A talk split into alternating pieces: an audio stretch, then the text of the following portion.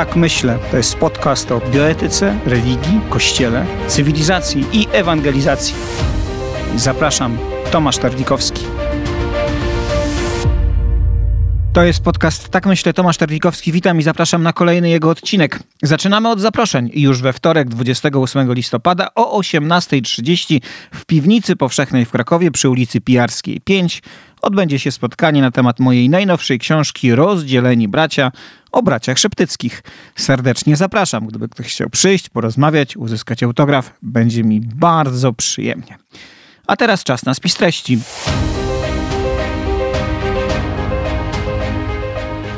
Zaczynamy od podsumowania synodu o synodalności, jakie wygłosił jego uczestnik arcybiskup Adrian Galbas.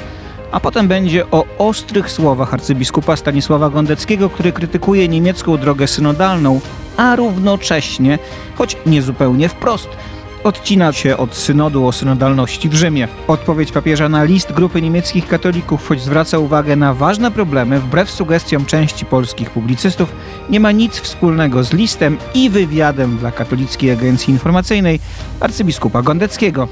A potem pierwsza rozmowa o tym, kim jest Putin, jaka jest jego religijność. Rozmawiałem ostatnio z archimandrytą Kiriłem Choworunem, prawosławnym teologiem wykładającym na amerykańskich uniwersytetach. Jak episkopat traktuje sprawy osób skrzywdzonych i ukaranych przez stolicę apostolską biskupów, trudno o lepszy przykład lekceważenia wyroków papieża na polskich biskupów niż historia biskupa Stefana Rygmunta.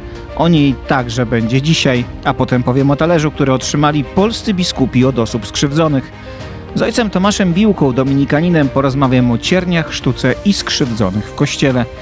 A na koniec o spotkaniu papieża z osobami transpłciowymi. A teraz Zaczynamy!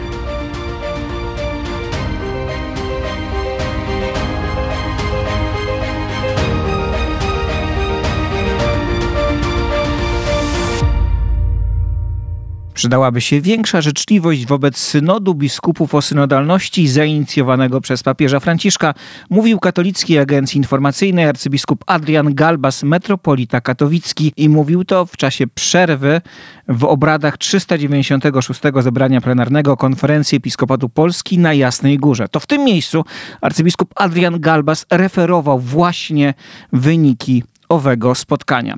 Arcybiskup wskazywał, że można mieć wrażenie, że w kościele w Polsce dominuje narracja synodosceptyków, a tymczasem potrzebny jest spokojny głos biskupów całego episkopatu, zachęcający do poważniejszego zaangażowania się w synod, mówił arcybiskup Galbas.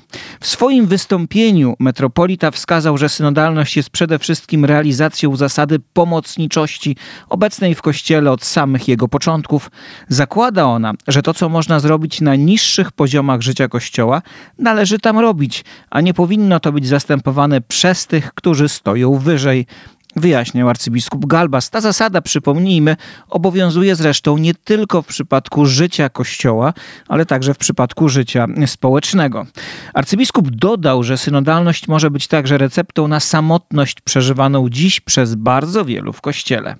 Omawiając dokument podsumowujący rzymską sesję synodu, arcybiskup Galbas zwrócił uwagę na relację między objawieniem a kulturą, co, jak podkreślił, jest jego zdaniem jednym z zasadniczych wątków całego procesu synodalnego, nawiązując do myśli często powtarzanej przez papieża Franciszka, że łaska bazuje na kulturze, wyjaśnił, że w każdej epoce szybkich zmian kulturowych, jak również zmiany kultury, jaką dziś przeżywamy, jesteśmy zobowiązani, aby na nowo odczytywać objawienie.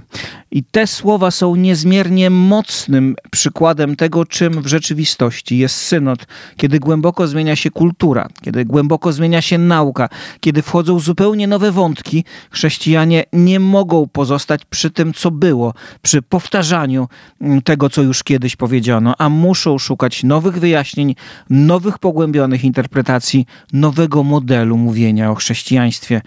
I o tym także jest ten synod, i dlatego również warto się nim zajmować.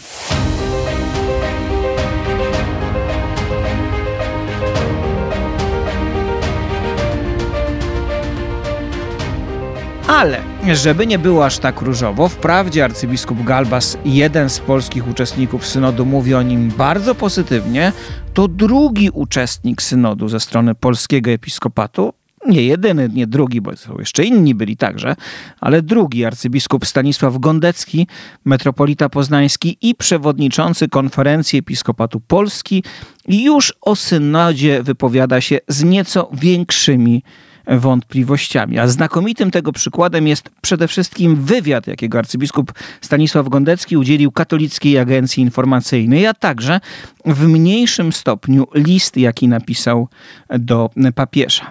I z tych dwóch tekstów można wyciągnąć prosty wniosek. Arcybiskup Stanisław Gondecki, wbrew własnym deklaracjom, w istocie nie akceptuje kierunku, w jakim prowadzi Kościół Franciszek. I oczywiście to nie zostało powiedziane wprost. Metropolita Poznański w liście ostro krytykuje tylko niemiecką drogę synodalną, która jego zdaniem prezentuje, tu cytat, skrajnie niedopuszczalne i niekatolickie tezy. Ale jeśli weźmiemy już wywiad dla Katolickiej Agencji Informacyjnej, to arcybiskup wskazuje, że ostatecznie Zagrożeniem jest także to, że uczestnicy synodu w Rzymie mogą pójść drogą, jaką proponuje Kościół niemiecki czy część innych kościołów europejskich. Na to zaś, zdaniem arcybiskupa Gondeckiego, zgody być nie może. Nie ma także jego zgody na model dialogu, jaki zaproponował papież Franciszek. Arcybiskup Gondecki żalił się dziennikarzom Kaju, że wymogiem, tu cytat, wymogiem było słuchanie rozmówcy bez uprzedzeń i nie wdawanie się w polemikę. A to, zdaniem arcybiskupa, sprawiało, że nie było okazji do autentycznej rozmowy.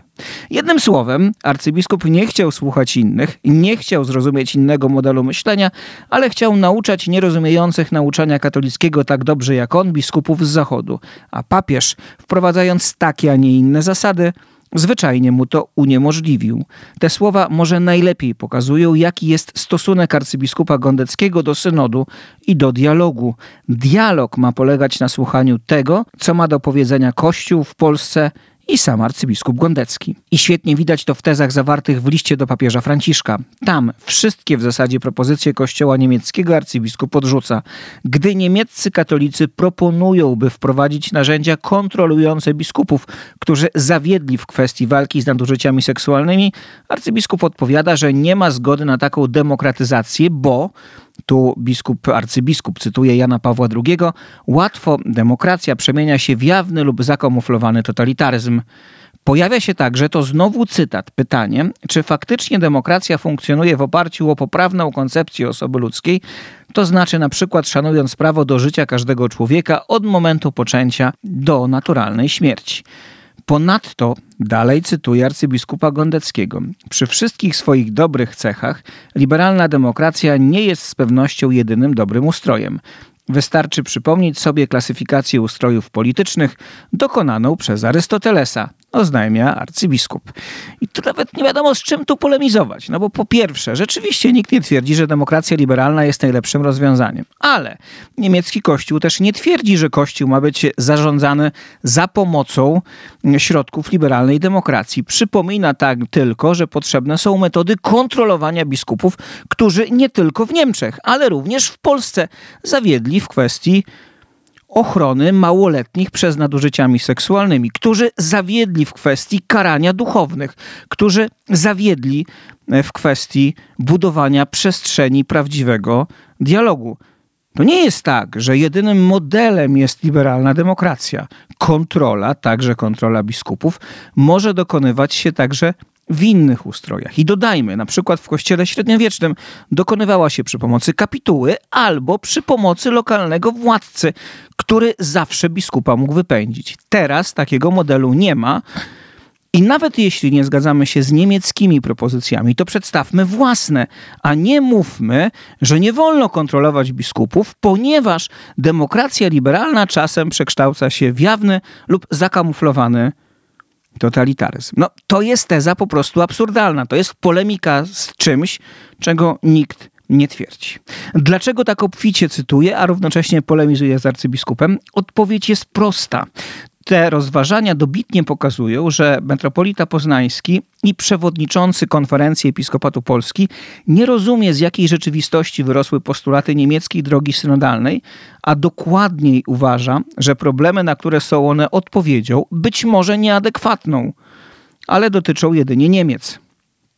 Punktem wyjścia do analizy sytuacji Kościoła katolickiego w tym kraju mówi e, arcybiskup Gondecki, jest kryzys nadużyć seksualnych w niemieckim kościele. Autorzy wydają się tak zawstydzeni sposobem reakcji niemieckich biskupów na doniesienia o nadużyciach seksualnych ze strony duchownych, że postanawiają dokonać rewolucji obyczajowej i prawnej w kościele powszechnym.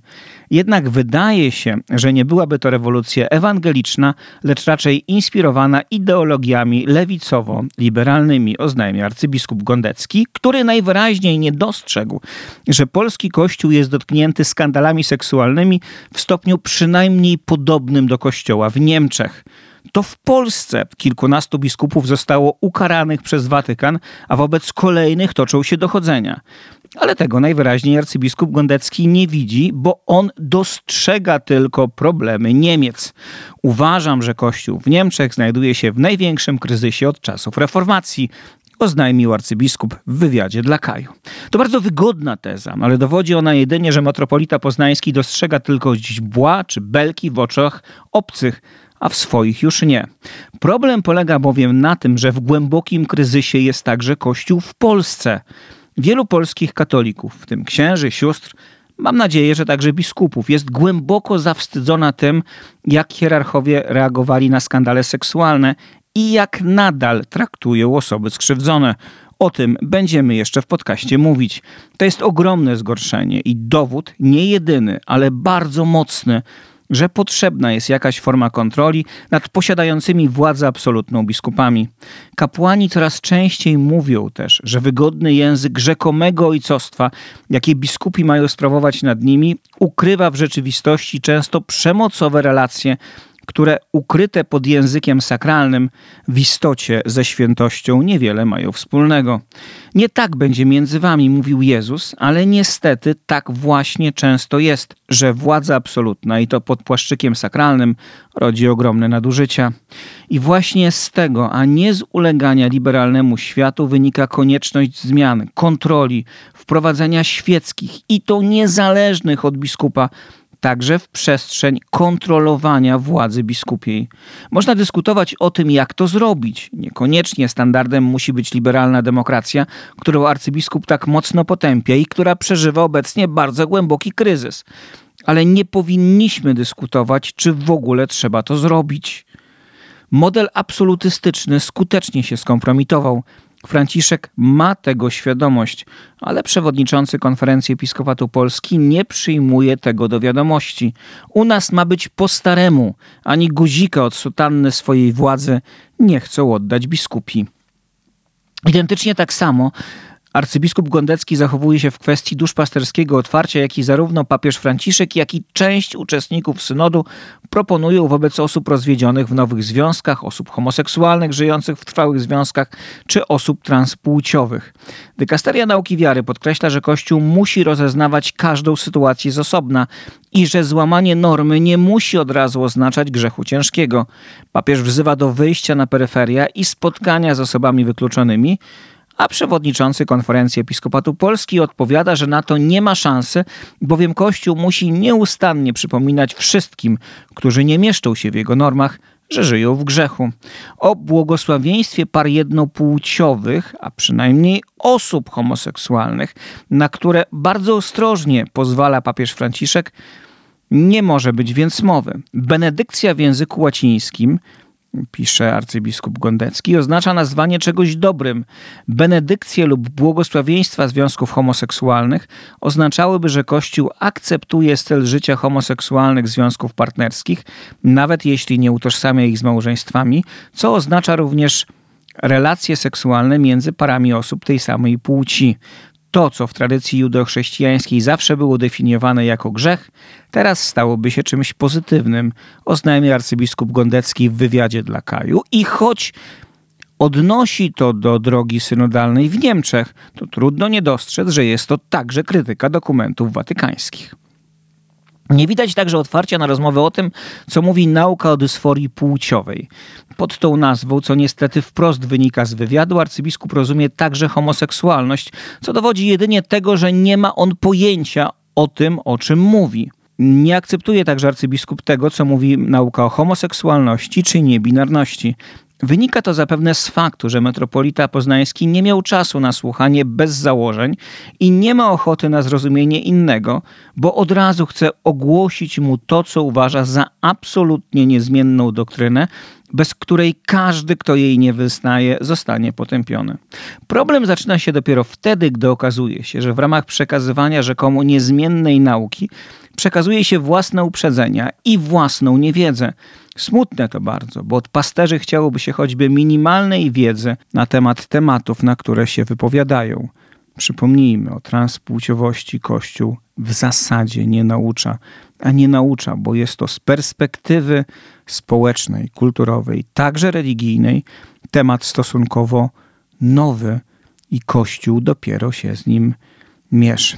Z całego tego wywiadu, nawet bardziej niż z listu, wynika, że arcybiskup Gondecki ustawia Kościół w Polsce na kontrze do myślenia nie tylko niemieckiego Kościoła, do czego ma pełne prawo, ale także Watykanu. Udawanie, że jest inaczej, związane jest, jak sądzę, ze świadomością, że otwarty atak na papieża może skończyć się tak, jak skończył się dla pewnego amerykańskiego biskupa, który 11 listopada został usunięty z urzędu przez papieża Franciszka. Arcybiskup Gondecki wolałby tego uniknąć, więc udaje, przyjmuje maskę, że krytykuje niemiecką drogę synodalną i nic więcej. Ale jeśli uważnie wczytać się w jego teksty, to wyraźnie widać, że krytyka dotyczy także po prostu linii papieża Franciszka.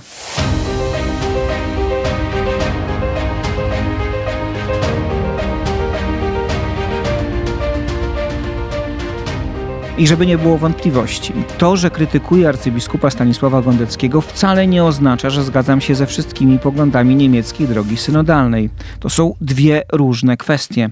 Można zauważać potrzebę debaty, rozmowy, pozytywnie oceniać niektóre z pytań zadawanych przez niemieckich katolików, a jednocześnie nie zgadzać się z wszystkimi proponowanymi przez nich rozwiązaniami. Można też zgadzać się tylko z niektórymi, albo uważać, że najwartościowsze w ich działaniu są pytania, a niekoniecznie odpowiedzi. Warto też przypomnieć, że między niemiecką drogą synodalną a synodem są liczne różnice, na które w liście do czwórki niemieckich katolików zwrócił uwagę Franciszek. Franciszek podkreślił także, że on również jest zaniepokojony niektórymi z decyzji niemieckiej drogi synodalnej. Ja również podzielam to zaniepokojenie licznymi konkretnymi krokami, które są obecnie podejmowane przez dużą część tego lokalnego kościoła, a które grożą coraz większym oddalaniem się od wspólnej drogi Kościoła Powszechnego, napisał papież Franciszek w osobistym liście do czterech niemieckich katoliczek, w tym dwóch będących profesorami teologii, donosił ostatnio niemiecki dziennik Die Welt. Papież skrytykował ustanowienie komisji synodalnej, która ma przygotowywać wprowadzenie organu doradczego i decyzyjnego. Zaznacza, że w formie nakreślonej w odpowiednim tekście rezolucji nie może być on pogodzony z sakramentalną strukturą Kościoła katolickiego, a jego ustanowienie zostało zakazane przez Stolicę Apostolską w liście z 16 stycznia 2023 roku. I znowu tak, forma, jaką mm, chcą nałożyć niemieccy katolicy na władzę biskupów, jest niedopuszczalna z perspektywy Kościoła. Ale to nie oznacza, że żadna forma kontroli jest niemożliwa. Oznacza to wyłącznie, że forma proponowana w tej chwili przez niemiecką drogę synodalną jest nieakceptowalna i warto o tym pamiętać. Rozróżnianie jest kluczową zdolnością człowieka wierzącego, katolika i w ogóle człowieka myślącego. A teraz czas na pierwszą rozmowę. To będzie pierwsza część rozmowy z archimandrytą Kiryłem Choworunem.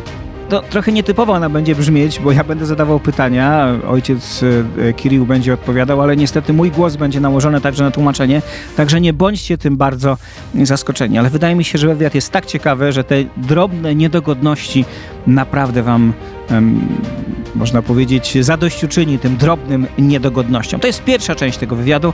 Kolejne w kolejnych tygodniach będę rozmawiał w nich także z diakonem Andrzejem Kurajewem, wybitnym teologiem prawosławnym z Rosji. Obie te rozmowy są dla mnie bardzo ważne i obie już niebawem poznacie.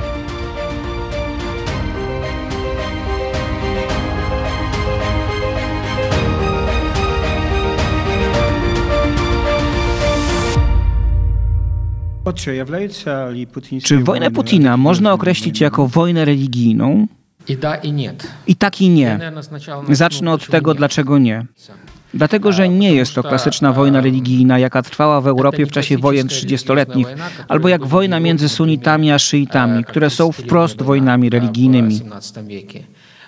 Или, например, войны между суннитами и шиитами на Ближнем Востоке, которые являются религиозными. Wojna Putina jest klasyczną wojną zaborczą. W tej kwestii przypomina ona II wojnę światową lub to, co dokonało się z Polską na początku II wojny światowej, kiedy podzielono jej tereny między dwoma państwami. Это война за территорию, это война за подчинение народа Tu, себе. w wojnie Putina, chodzi o przejęcie terenów i zniewolenie narodu. I w tym znaczeniu to jest klasyczna europejska wojna połowy XX wieku. Например, от Второй мировой войны или войны, начала Второй мировой войны, когда Германия захватила Польшу. Ale w odróżnieniu od początków II wojny światowej, kiedy Niemcy przejęły Polskę, gdy Polska została podzielona, Niemcy nie próbowały wyjaśniać swoich działań przyczynami religijnymi. Это была причины для войны были очень прагматичные, экономические, социальные, политические, но не религиозные. Конечно, в немецком рейхе в то время были язычники, были эзотерики, которые пытались осмыслить немецкую расу и объяснить расовую теорию какими-то религиозными мотивами. Wśród najważniejszych przywódców Niemiec byli ludzie religijni, protestanci lub katolicy. Hitler był przecież formalnie katolikiem, Goebbels także, ale oni nie wyjaśniali swoich działań katolicyzmem. Они, конечно, не объясняли католичеством свою агрессию, но, например, тот же самый Геббельс Goebbels, choć był formalnie katolikiem, uważał siebie za bliższego Lutrowi i jego nauce niż katolicyzmowi. Ale wtedy religia w ogóle nie służyła jako usprawiedliwienie tej wojny. A teraz religia służy jako usprawiedliwienie wojny w przestrzeni publicznej. W rosyjskim publicznym пространстве. To jest, ja objaśniаю Uważam więc, że to jest klasyczna wojna, w której chodzi o przejęcie cudzego terytorium, ale na takie postawienie sprawy, na powiedzenie tego wprost, Putin nie może sam sobie pozwolić. I dlatego on wyjaśnia tę wojnę motywami sakralnymi, przyczynami religijnymi. On objaśnia tę wojnę niekimi sakralnymi, religijnymi motywami, przyczynami, Mówi o obronie przed Zachodem unikalnej prawosławnej cywilizacji, która urzeczywistniała się i urzeczywistnia w Rosji. I dla Putina to jest wojna globalna, kosmiczna wojna ze światowym złem. On także uważa, że jest to wojna o czystość prawosławia. Putin jest osobiście przekonany, że celem Zachodu jest podporządkowanie sobie Ukrainy religijnie, duchowo i mentalnie. Jego zdaniem Kościół katolicki jest jednym z jego głównych osobistych wrogów, ale także wrogów Rosji. Takie myślenie podpowiadają mu główni przedstawiciele rosyjskiej cerkwi prawosławnej, w tym patriarcha Cyryl. I to oni podpowiadają mu, jak powinien wyjaśniać tę wojnę samemu sobie i narodowi rosyjskiemu. A zatem to jest wojna ze swojej istoty absolutnie klasyczna, zaborcza, nastawiona na przejęcie ziemi, zniszczenie narodu. Ale z drugiej strony jest ona wyjaśniania w przestrzeni publicznej motywami religijnymi. Ale religia nie jest ani jej powodem, ani przyczyną, a jedynie racjonalizacją tej wojny na potrzeby społeczeństwa rosyjskiego. I tylko w tym sensie ta wojna jest religijna, bo religia służy do jej wyjaśnienia. Ale w istocie nie jest ona religijna, bo chodzi w niej o zabranie cudzych terenów. A dla niego, a dla Putina to jest święta wojna? On nie używa terminu święta wojna. Co więcej, termin ten jest zakazany w narracjach kremlowskich. W oficjalnych mediach ten termin nie jest używany Ani w oficjalnych SMI термин «священная война» не используют. Была попытка Była taka próba, by wojnę w Syrii potraktować jako wojnę w obronie chrześcijan i wtedy jeden z już nieżyjących duchownych rosyjskiej cerkwi prawosławnej, ojciec Wsiewołod Chaplin powiedział, że wojna w Syrii jest wojną świętą. To się bardzo nie spodobało na Kremlu i zakazano mówić o świętej wojnie. Ale oni wierzą, że ta wojna ma święty sens. w to, że ta wojna ma święte smysły. Naprawdę w to wierzą? Oni wierzą w to. Tak, oni w to wierzą. Nie mówią o tym, ale w to wierzą. I nazywają ją inaczej. Patriarcha Cyryl tuż po rozpoczęciu wojny z Ukrainą mówił, że ta wojna ma sens metafizyczny i nie da się jej wyjaśnić tylko względami politycznymi i ekonomicznymi, ale ona ma głębszy sens duchowy i metafizyczny. On nie użył sformułowania, że to jest wojna święta, ale tylko powiedział, że ma sakralny wymiar. To znaczy, że nie wynika tylko z przyczyn politycznych, ale także duchowych i religijnych. I oni w to naprawdę wierzą na Kremlu. Ale jaki jest ten głębszy, metafizyczny sens tej wojny? To jest wymiar chrześcijański? Jakaś wojna chrześcijaństwa z zachodnim pogaństwem?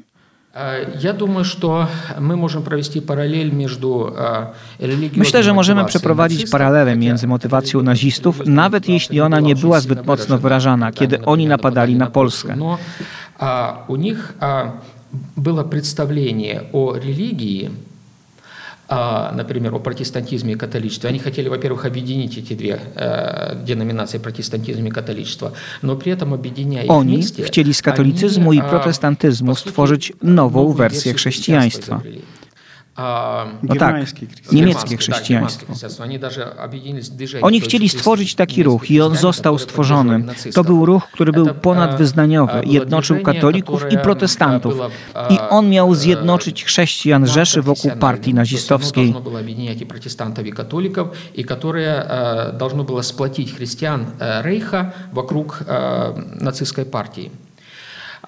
Ale w istocie ten ruch przekształcił się w zniekształconą wersję chrześcijaństwa, w skażoną jego wersję. Oni na przykład odrzucali Stary Testament, uważali, że Chrystus był antysemitą i nie wierzyli w to, że on był Żydem.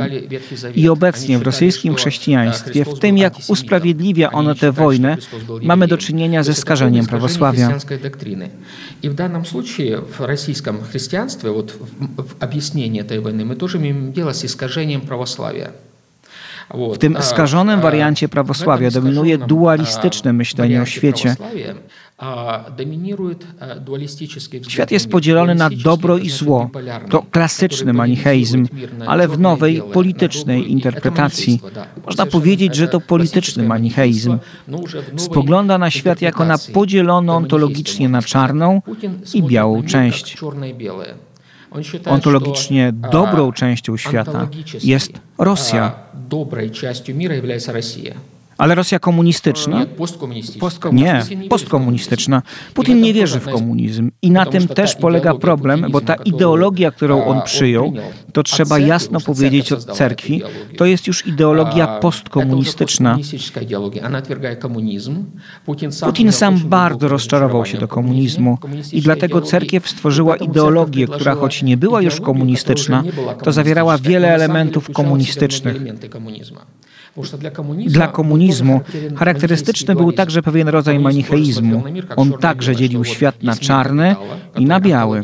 Istniał świat kapitału, który był ontologicznie zły, i świat socjalizmu, który był ontologicznie dobry.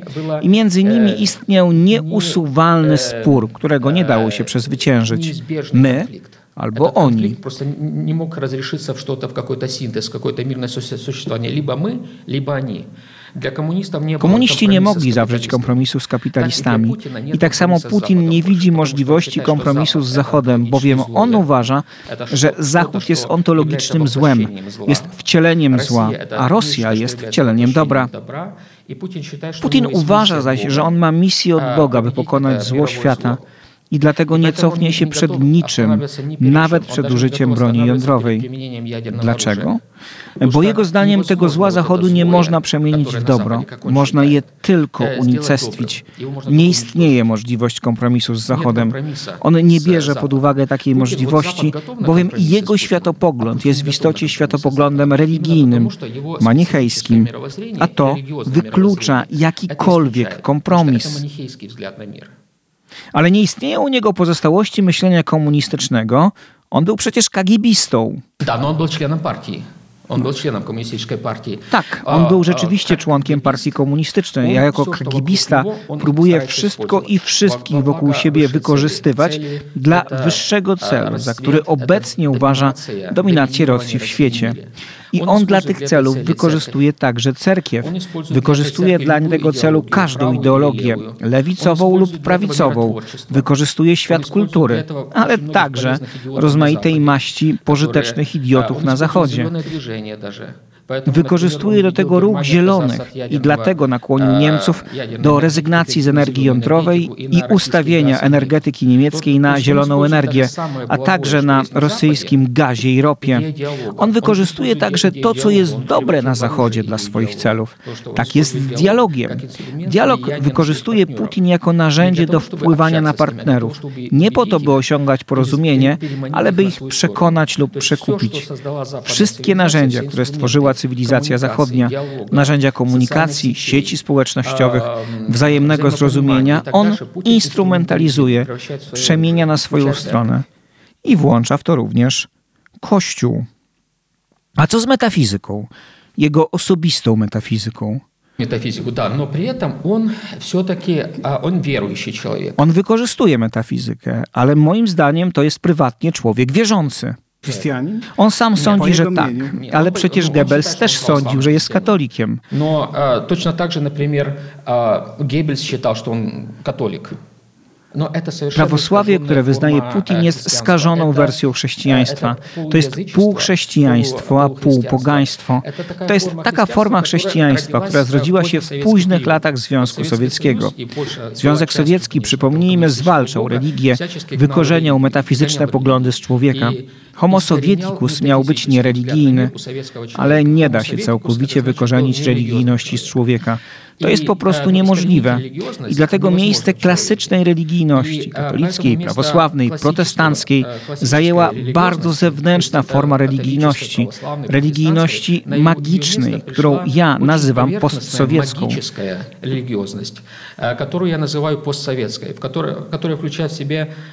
Ona zawiera w sobie wiarę w magię, jakieś nadprzyrodzone zjawiska, w numerologię.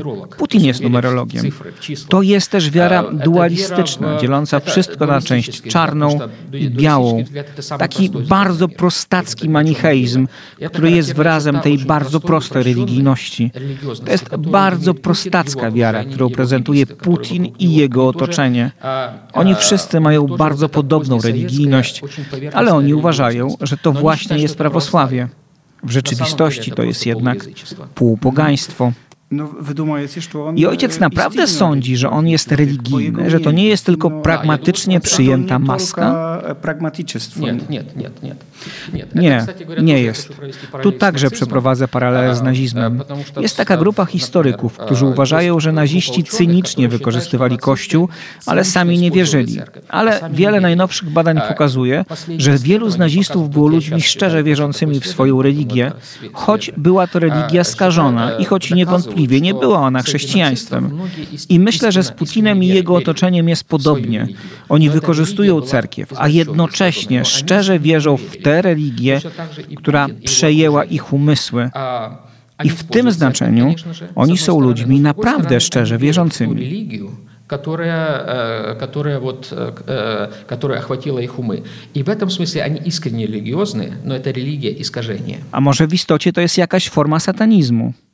Możliwe, no, ale to oczywiście nie oznacza, że oni się modlą do szatana, no, no, czy że oni tak sami uważają.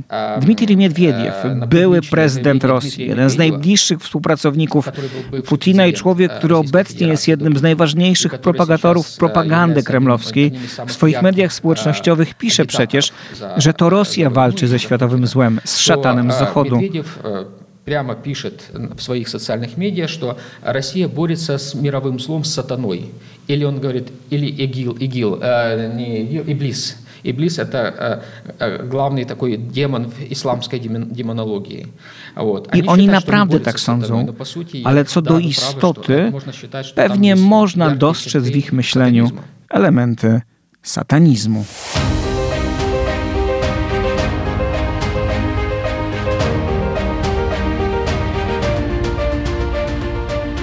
A już za tydzień kolejna część tej rozmowy. Będziemy rozmawiać o Cyrylu, relacjach prezydenta Rosji i patriarchy Cyryla, a także o szorstkiej przyjaźni, która ich łączy.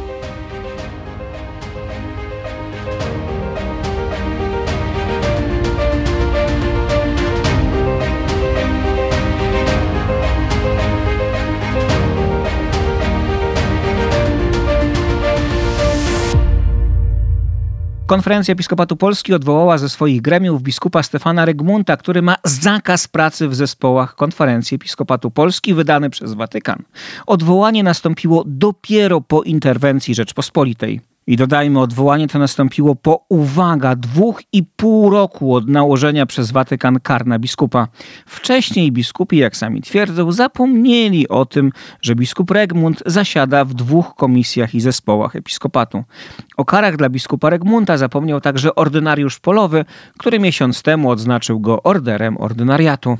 I trudno o lepszy przykład tego, jak traktowane są sprawy osób skrzywdzonych, jak traktowane są kary watykańskie na polskich biskupów przez polskich biskupów. Określenie tego stosunku lekceważącym jest bardzo ostrożne i bardzo delikatne.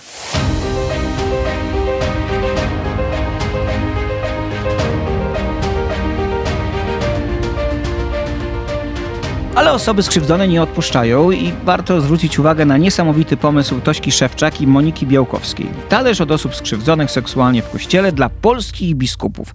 Talerz zaprojektował ojciec Tomasz Biłka, dominikanin, a wykonany on został przez Annę Bogdanowicz i Zuzannę Surmę. Nie będę tłumaczył symboliki, bo o tym już za moment porozmawiam z Tomaszem Biłką, a zdecydowanie lepiej ode mnie i od niego zrobiła to Tośka Szewczek w swoim tekście do więzi, który serdecznie polecam. Niesamowity to tekst, bo jasno uświadamiający, z czym muszą się liczyć osoby skrzywdzone, jak wygląda ich życie, ale też jasno pokazujący, że czas proszenia o spotkania, płaszczenia się przed biskupami, prośby o uwagę się kończy, a kończy się, bo nie ma on nic wspólnego z chrześcijaństwem. Jesteśmy dziećmi tego samego Boga i biskupi muszą się tego nauczyć i powinni to w końcu zrozumieć. Gdzieś na dnie mojej duszy jest nadzieja, że ten talerz spotka się z odpowiedzią, że usłyszymy głos biskupa, że odpowiedzią na to wielkie wołanie nie będzie głuche milczenie. Milczenie, które nie jest z Boga, które nie ma z nim nic wspólnego, które pochodzi wyłącznie z troski o instytucje, a nie z ewangelicznej miłości. Na razie Choć konferencja Episkopatu Polski dobiegła już końca, nic takiego się nie stało. Odpowiedzią na wielkie wołanie jest nadal głucha, smutna, przygnębiająca cisza. A teraz czas na kolejną rozmowę. Tak jak mówiłem z Tomaszem Biłką, dominikaninem, autorem projektu Talerza Skrzywdzonych, porozmawiam teraz o tym, co mówią nam skrzywdzeni w Kościele i o Kościele. A moim Państwa gościem jest ojciec Tomasz Biłka, dominikanin, y, malarz między innymi, ale także autor i od tego zaczniemy, talerza y, skrzywdzonych, które biskupi, konferencja Episkopatu Polski otrzymała y, od osób skrzywdzonych. To jest pomysł, który powstał w środowisku wycinków reportażu z wycinków świata Moniki Białkowskiej, w środowisku Moniki Białkowskiej i Tośki Szewczak. E, jeden z biskupów zawiózł ten talerz, a ojciec jest jego autorem. Więc ja zacznę od pytania, czy to jest talerz, który powstał na potrzebę tej akcji, czy to jest wcześniejsze dzieło, które jakby wyrasta ze zrozumienia, jaka jest sytuacja osób skrzywdzonych w Kościele? To jest talerz, który powstał bezpośrednio na potrzeby tej akcji i jednocześnie mam nadzieję, że wyrasta ze zrozumienia e, potrzeb, bólu, e, jakiegoś współczucia względem osób skrzywdzonych. I też takie konieczności niepozostania niemym wobec tej, tej sytuacji i tego, czego osoby skrzywdzone doświadczyły, jak i doświadczają cały czas w kościele. Jak gdybyśmy spróbowali y, ze strony artysty, ja wiem, że to jest trudne, ale omówić, jak wygląda ten talerz, co to jest, jakby, jaki jest jego przekaz. Tośka to zrobiła oczywiście na łamach e, więzi, ale ja się chciałem zapytać o to, jak ojciec go tworzył, to co ojciec odczuwał, co ojciec chciał przekazać przede wszystkim. Ten talerz powstał troszkę na, e, w wyniku spotkania czy na przedłużeniu dwóch, e, dwóch wydarzeń. Jedno to, to jest wydarzenie, e, które mm, bezpośrednio sama autorka, właśnie Tośka Szewczyk, autorka też książki Osoba skrzywdzona, która doświadczyła właśnie krzywdy, od osoby, krzywdy seksualnej od osoby duchownej, opowiedziała w swoim liście, czy przywołała E, I to jest, e, to jest właściwie taki prezent, dar od Episkopatu Ukrainy, dla, e, który został podarowany i wręczony gdzieś tam podczas konferencji Episkopatu Polski, z którym biskupi jakoś się obnosili, więc, więc bezpośrednio sama forma tego talerza skrzywdzonych jest, jest nawiązaniem do tamtego prezentu do tego pięknego, e, pięknego gestu, e, dobrego i ważnego, co też, e, co też Tośka Szewczyk podkreśla, ale postanowiliśmy też jakby odsłonić nie tylko to, co jest kwietne w kościele i co jest tylko no właśnie kolorowe i radosne, takie jak, jak tamten talerz, ale sobie pomyślałem, że dobrze jest odsłonić to, co także kwiaty mają, czyli, czyli, czyli same ciernie i to, co e, Kościół także w sobie e, niesie, e, a, a niesie w sobie krzywdę i niesie, niesie w sobie ból tychże osób skrzywdzonych, więc jakimś takim naturalnym symbolem tego są same ciernie. A dru, drugie wydarzenie to, czy jakby druga, druga jakaś taka przestrzeń, dlaczego te ciernie, ciernie mi towarzyszyły przy tej pracy, właśnie dlaczego włączyłem je do, e, do tej formy talerza, to dlatego, ponieważ od, e, od, od jakiegoś czasu pracuję nad takim cyklem, który nazwałem Kakangelia. Właśnie nie Ewangelia, ale Kakangelia, czyli nie dobra nowina, ale zła nowina. I to jest cykl takich instalacji na deskach, E, trochę nawiązujących do desek ikonowych, z których wyrastają ciernie i te ciernie układają się w tekst Pisma Świętego. I każda z tych desek jest, jakby przywołuje e, jakiegoś drapieżcę, tak jak Ewangelia ma swoich świadków, Mateusza, Marka, Łukasza, Jana i także my jesteśmy wezwani do tego, żeby być świadkami dobrej nowiny, tak też jest jakaś ciemna strona, ciemna nowina, ciemne uwiadomienie, złe uwiadomienie, czy uwiadomienie przez zło, właśnie Kakangelia, która także e, ma swoich świadków, ma swoich apostołów. E, I w tym cyklu, nad którym pracuję od dłuższego czasu, e, tak właśnie, właśnie on składa się z takich cierni, które układają się w, w tekst, tekst Pisma Świętego, czy jakby nawiązują do tekstu Pisma Świętego. E, a, a, a sam, sam cykl mówi o tym, jak Słowem Bożym można manipulować, jak Słowem Bożym można, można je wykorzystywać do tego, żeby właśnie nie ogłaszać dobrą nowinę, nowinę, która, która prowadzi, prawdę, która, która prowadzi do jakiejś wolności, ale słowo, które staje się słowem zniewolenia, staje się ciernistym słowem, raniącym, e, który zadaje krzywdę i ostatecznie służy czymś do usidlenia przez sprawcę jego ofiary i do zadawania krzywdy.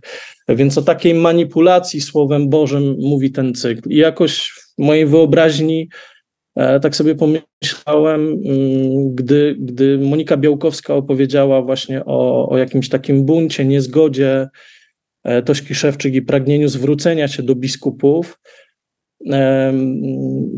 co sama zresztą wyjaśnia te, te kontrowersje, jak ona, jak ona przy, przyjęła i przeżyła E, właśnie to ich obnoszenie się z, e, z jednej strony z tym talerzem od episkopatu, przemilczenie e, kwestii i konieczności zapowiadanych zresztą powstania komisji do spraw właśnie wyjaśnienia różnych spraw osób skrzywdzonych i właśnie modlitwy za zbawienie i duszę Mikołaja Kopernika, no to te, te, te wszystkie, to, to, nagromadzenie tych rzeczy to wydało się takie no, dość kuriozalne, więc więc w mojej wyobraźni po prostu jakoś nie towarzyszyły mi wielkie przeżycia i emocje.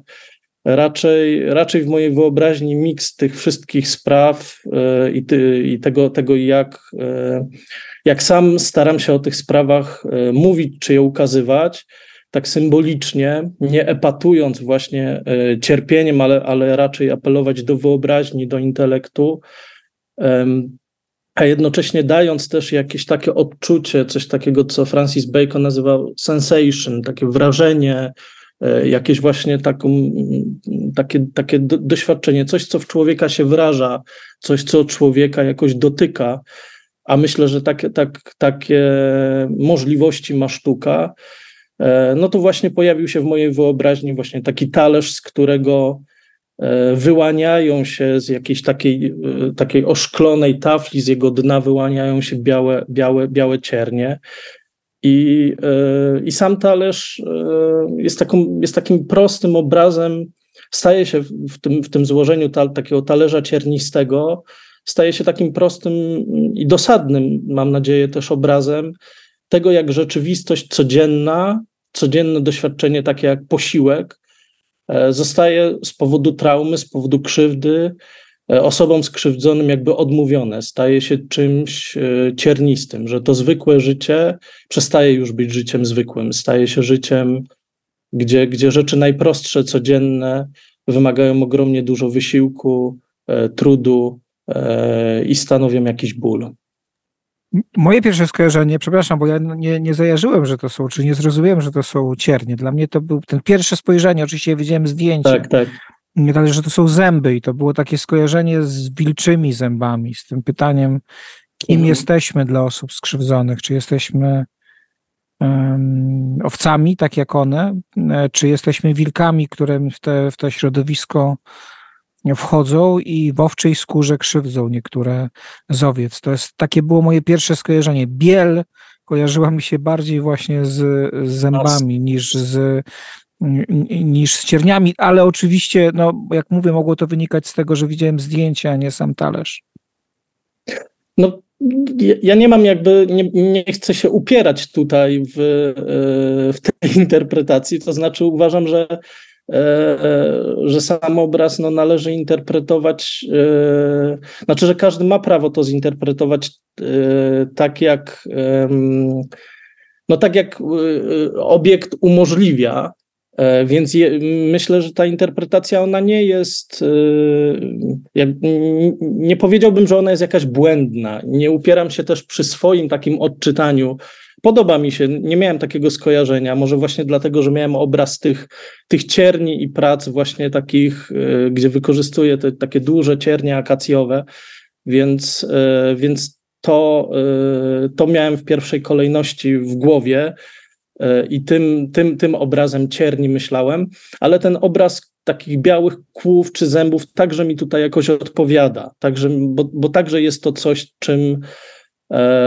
co właśnie w kontekście posiłku e, czy jedzenia, właśnie, że to nie, nie tyle my jemy, co my jesteśmy zjadani. To, to też wydaje mi się bardzo taką piękną, e, znaczy pięknym odczytaniem, dobrym odczytaniem i w gruncie rzeczy uzupełniającym również tą interpretację tego kół. Obraz czy sztuka jakby umożliwia, ten komunikat wizualny umożliwia tego, tego rodzaju taką pojemność semantyczną, więc. Y, Wracając do tego, do tego, tego, tego cyklu Kakangelia, e, czy ja dobrze zrozumiałem, że to są cytaty dosłowne, czy czasami dosłowne z Pisma Świętego, które um, mogą być interpretowane w taki sposób, że stają się, by posłużyć się tym określeniem Franciszka, kamieniami, które ciskamy w innych, są tymi, tymi słowami, które Mm, jeśli są wyrwane z kontekstu, to mogą służyć do ranienia mhm. albo nawet do zabijania? same obrazy nie są dosłownymi cytatami jakichś konkretnych fragmentów, czy poszczególnych fragmentów wyjętych, nie nawiązują do konkretnych fragmentów, raczej do tego, jak pismo, samo pismo, same litery układają się w tekst. Czasami są to, jest to jedna lita szpalta tekstu, czasami, czasami właśnie są to dwie kolumny tekstu, ale także w różnych, e, w różnych nawiązuje też do różnych średniowiecznych e, e, manuskryptów, gdzie, gdzie te teksty były jakby były przepisywane w różnych kształtach, na przykład w różnych rąbach, jakby tekst był umieszczony, one miały także swój taki, taki wizualny wygląd czy komunikat. E, czasami one są mm, właśnie kolorowane, ale bardzo proste, bardzo proste kolory typu błękitny, czarny. E, czasem na białych deskach właśnie same, same ciemne, ciem, ciemne czernie układają się po prostu.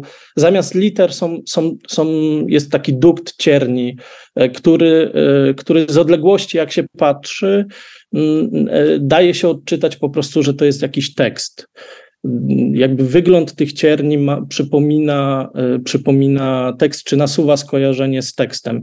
W niektórych deskach jest to dosłowne i od razu nam się to narzuca, w innych stanowi już jakieś y, właśnie nawi- poprzez nawiązanie do, do średniowiecznych ręko, rękopisów y, jak, jakąś wariację na temat tego, jak Pismo Święte było, było zapisywane.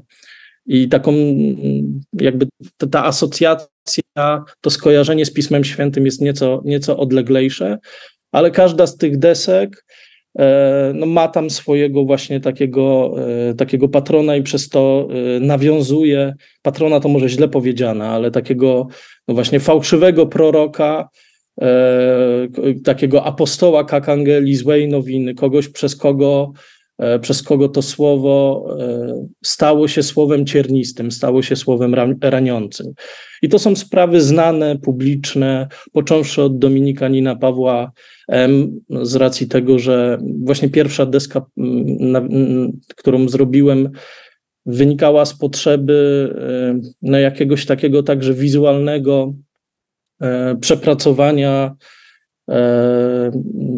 czy jakby konieczności wypowiedzi, sprawy, w którą też jakoś bezpośrednio byłem zaangażowany jako jeden z siedmiu braci, którzy, e, którzy z ramienia osób skrzywdzonych byli, byli gdzieś tam mocowani i wytypowani do, e, do dialogu pomiędzy właśnie osobami skrzywdzonymi a zakonami właśnie w, e, przy okazji sprawy Pawła M., jednego z naszych, z naszych współbraci. No i to było dla mnie na tyle trudne i ważne i, i, i myślę, jakieś takie dotykające doświadczenie, e, że, że ta troska, jakby konieczność wypowiedzi, konieczność zabrania głosu w sprawie osób skrzywdzonych, jakby we mnie jest e, do tej pory. No i z takiej konieczności rodził się także ten cykl wskazujący na innych fałszywych proroków, e, fałszywych apostołów i tych, którzy, którzy manipulują Słowem Bożym. Ciernie też dla mnie są takim obrazem, no chyba dość oczywistym w naszej kulturze, skojarzeniem z Jezusem Chrystusem. To znaczy, to jest coś, y, no, korona cierniowa jest tym, co nam się kojarzy z cierniami. I to jest pytanie kolejne, czy jakoś. Bo do mnie bardzo przemawia ten obraz, o którym kiedyś powiedział Franciszek. Ja zostawiam to, że on czasem trochę więcej mówi niż robi w tych sprawach, ale nie, ale akurat obrazy ma niezwykłe, kiedy mówił o tym, że Kościół powinien widzieć mm, skrzywdzonych Chrystusa, to znaczy powinniśmy w ich e, cierpieniu, w tym, w tym, że jak pisze Tośka, oni nie mogą zjeść posiłku tak jak my, bo ten talerz jest zawsze pełen pułapek, przypomnień, wspomnień. Nigdy nie wiadomo, kiedy one się uaktywnią, czy nie uaktywnią się w czasie liturgii. Czy nie wróci wspomnienie sprawcy w konfesjonale?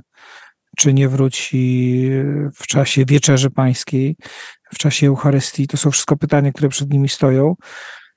No, no i właśnie to jest to pytanie, na ile my możemy, powinniśmy utożsamiać ich drogę z drogą krzyżową Chrystusa.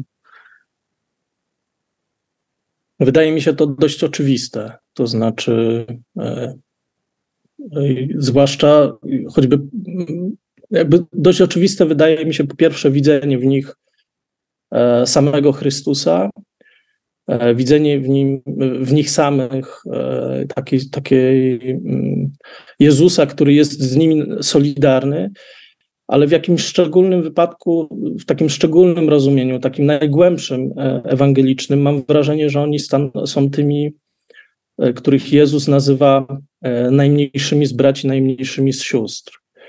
Właśnie mm, poprzez i, i wskazują na to te słowa: Byłem głodny, daliście mi jeść, byłem spragniony, daliście mi pić, albo właśnie byłem głodny, spragniony i nie daliście mi jeść, nie daliście mi pić. Oni są tymi, którzy jakoś chyba mm, w sposób, mam wrażenie, bardzo dobitny są tymi, którzy łakną i pragną sprawiedliwości.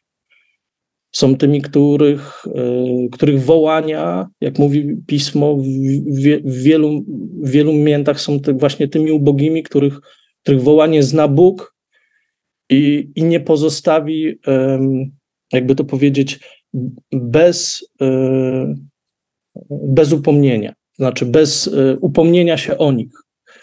I to jest, e, myślę, że ten głos powinien stać się głosem takim mm, dla Kościoła e, słyszalnym. Trudno usłyszeć ten głos i jednocześnie nie pozostać samemu niezranionym. Może dlatego pomijając jakby czysto takie psychologiczne mechanizmy wyparcia, ale myślę, że dlatego też my sami e, odwracamy, właśnie zatykamy uszy, odwracamy oczy od krzywdy osób skrzywdzonych, ponieważ boimy się, że, że dopuszczenie tego głosu do nas stanie się czymś, co nas samych zrani. I mi się wydaje, że, że tak rzeczywiście jest, że tak rzeczywiście się dzieje.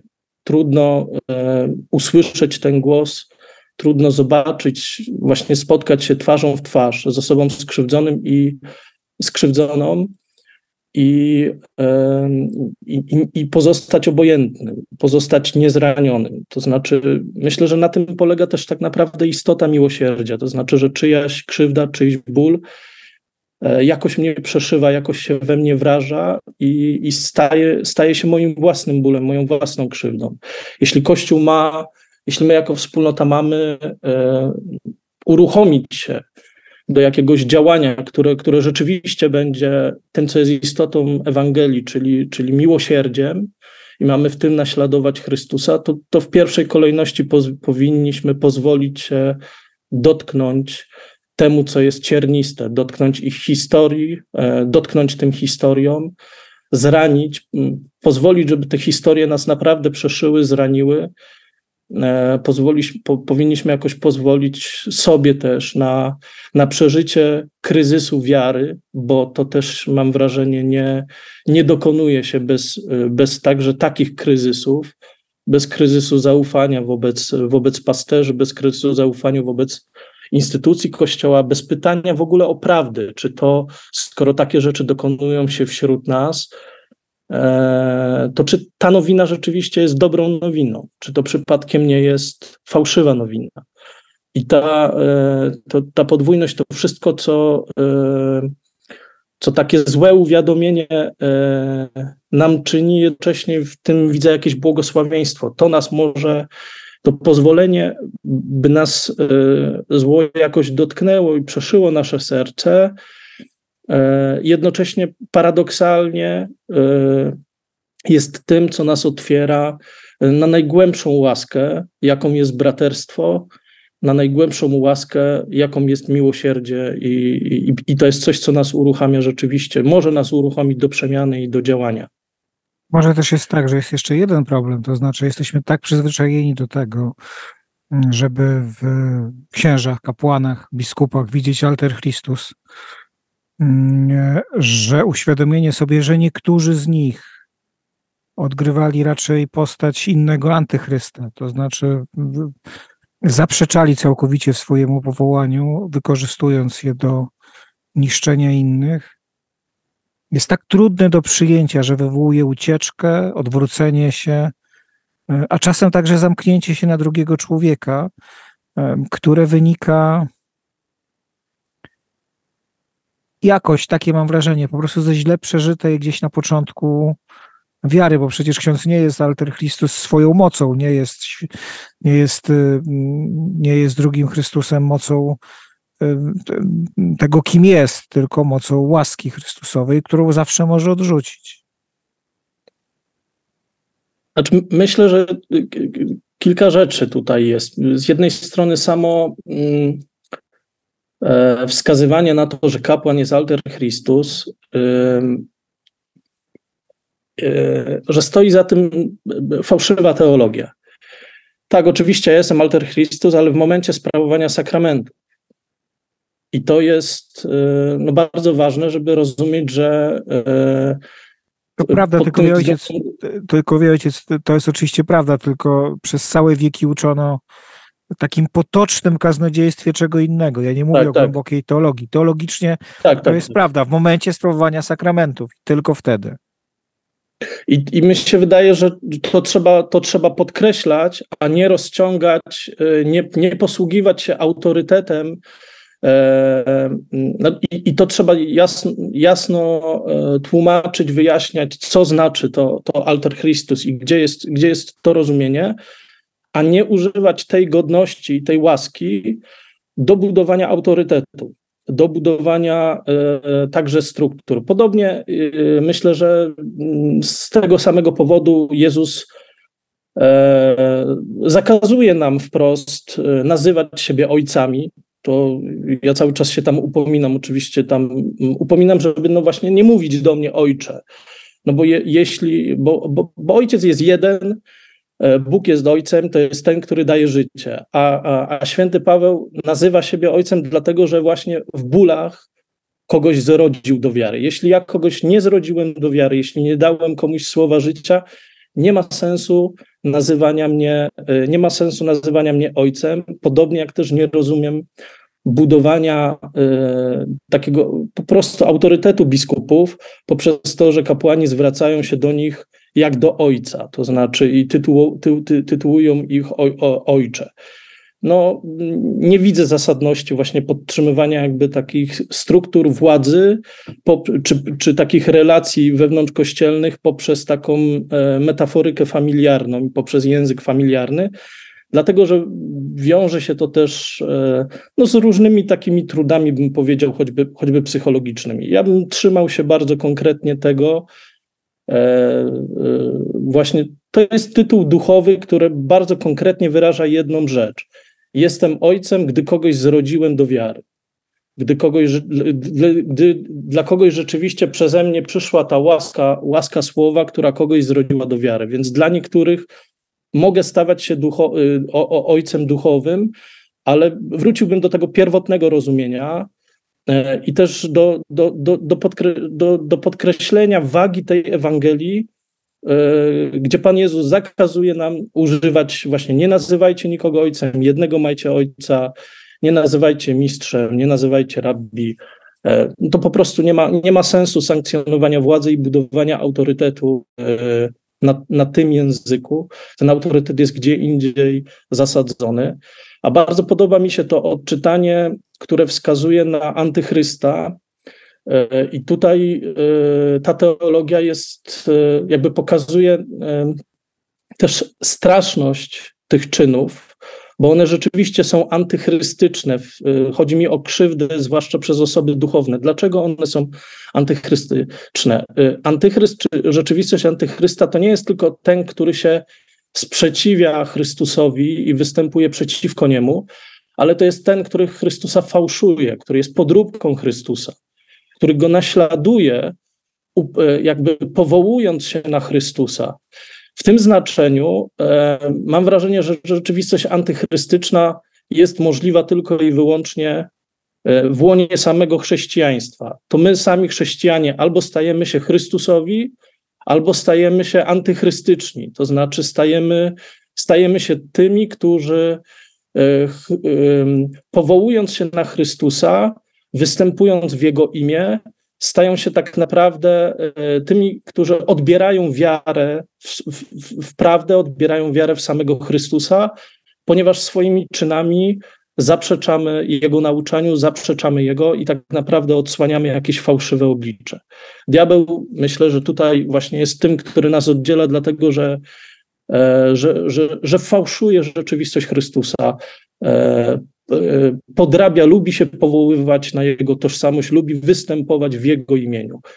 A jednocześnie to nam pokazuje cały taki dramatyzm naszej drogi, właśnie takiej biało-czarnej, że albo będę Chrystusowy, i w moim sercu dokona się taka przemiana, która uczyni mnie Chrystusowym, albo będę właśnie stanę się jakoś anty, antychrystusowy.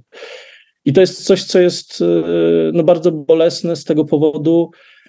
E, sam też pracując nad, e, nad tym obrazem czy nad tym talerzem, myśląc o nim, bo, bo, bo ja nie, nie, nie sam bezpośrednio pracowałem, sam talerz, ja nie jestem ceramikiem, zaprosiłem do wykonania tego talerzu E, e, dwie, e, dwie moje koleżanki z pracowni BOS-u, Annę Bogdanowicz i Zuzannę Surmę i one, one talerz wykonały, ale kiedy pracowałem nad samym projektem, to, to myślałem no właśnie o dwóch kolorach, o białym i czarnym, też z takiego powodu, że po pierwsze są to kolory, które, pierwsze kolory, które rozpoznaje dziecko, pierwsze kolory, którymi, który, którymi świat widzi dziecko, i do takiego dziecięcego e, spojrzenia, zwłaszcza w tej kwestii osób skrzywdzonych, e, uważam, że należy wrócić.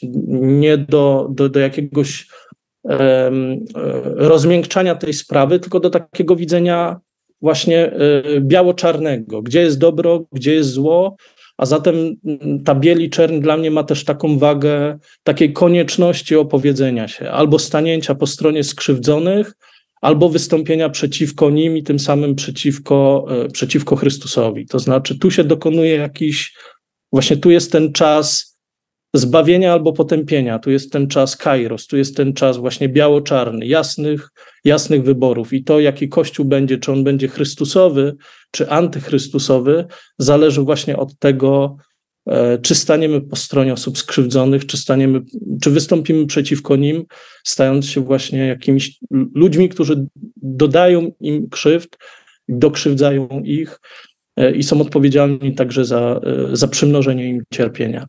Na koniec pytanie. Jest nadzieja, że biskupi odpowiedzą, że się pokażą z tym talerzem, tak jak z talerzem od. Skądinąd rzeczywiście piękny gest od biskupów ukraińskich? Mhm czy, czy jest nadzieja we mnie? Tak, mnie... tak, o to się pytam.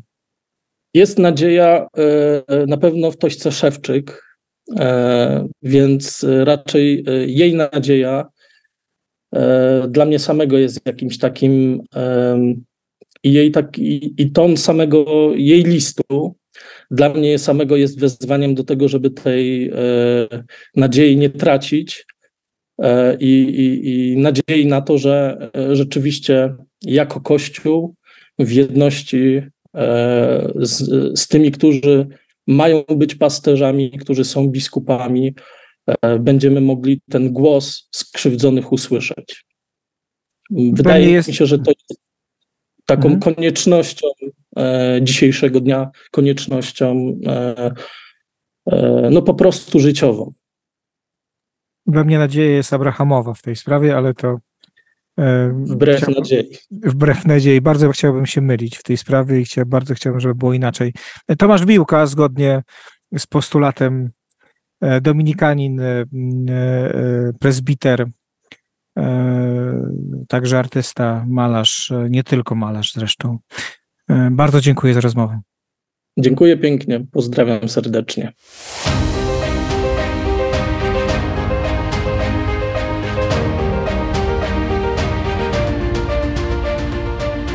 I na koniec wracamy do tematu transpłciowości papieża Franciszka. Franciszek zmienia Kościół nie tylko dokumentami, ale przede wszystkim symbolicznymi gestami. Tak jest z kościelnym stanowiskiem wobec osób transpłciowych. Dokumenty dykasterii nauki wiary, o których mówiłem w poprzednim odcinku, to jedno, a gesty to coś może jeszcze ważniejszego. Ostatnio podczas wielkiego spotkania dla bezdomnych i biednych z okazji Światowego Dnia Ubogich w Watykanie na wspólny obiad z papieżem zaproszono grupę transpłciowych kobiet, głównie z Ameryki Łacińskiej, które we Włoszech zarabiają na życie jako prostytutki. Kobiety te uczestniczą co miesiąc w audiencji generalnej Franciszka na placu Świętego Piotra, gdzie zajmują miejsca VIP a teraz mogły spotkać się z papieżem i powiedzieć dziennikarzom, którzy je o to pytali, o swoich emocjach związanych z decyzją dykasterii nauki wiary dotyczącą umożliwienia osobom transpłciowym bycie rodzicami chrzestnymi. Wcześniej Kościół był dla nas zamknięty, nie postrzegano nas jako normalnych ludzi, postrzegano nas jako diabła, mówiła Andrea Paola Torres Lopez, kolumbijska transpłciowa kobieta znana jako Consuelo, której kuchnię zdobią wizerunki Jezusa. I właśnie wtedy, kiedy nas tak traktowano, przyszedł papież Franciszek i drzwi kościoła otworzyły się dla nas dodawała transpłciowa kobieta.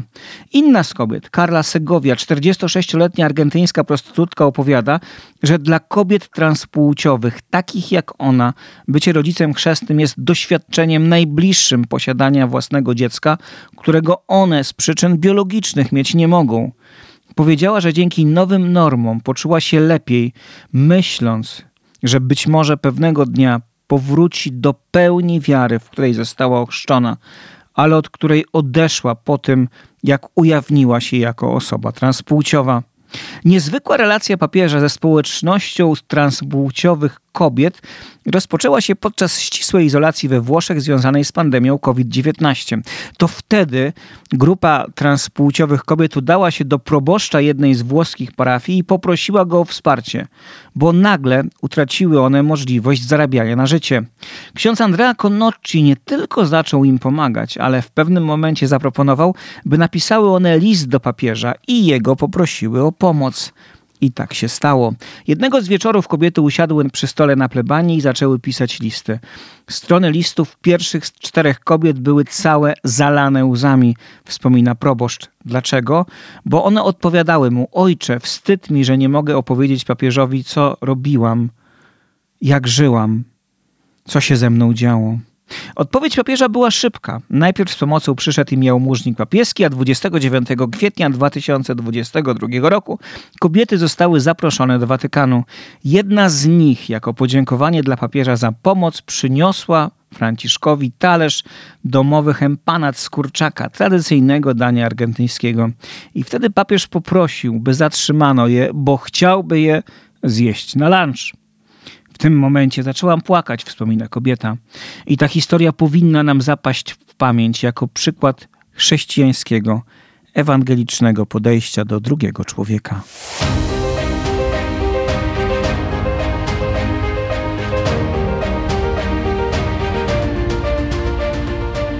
I to by było na tyle. Czas się pożegnać. Do usłyszenia już za tydzień, mówi Wam Tomasz Tardikowski.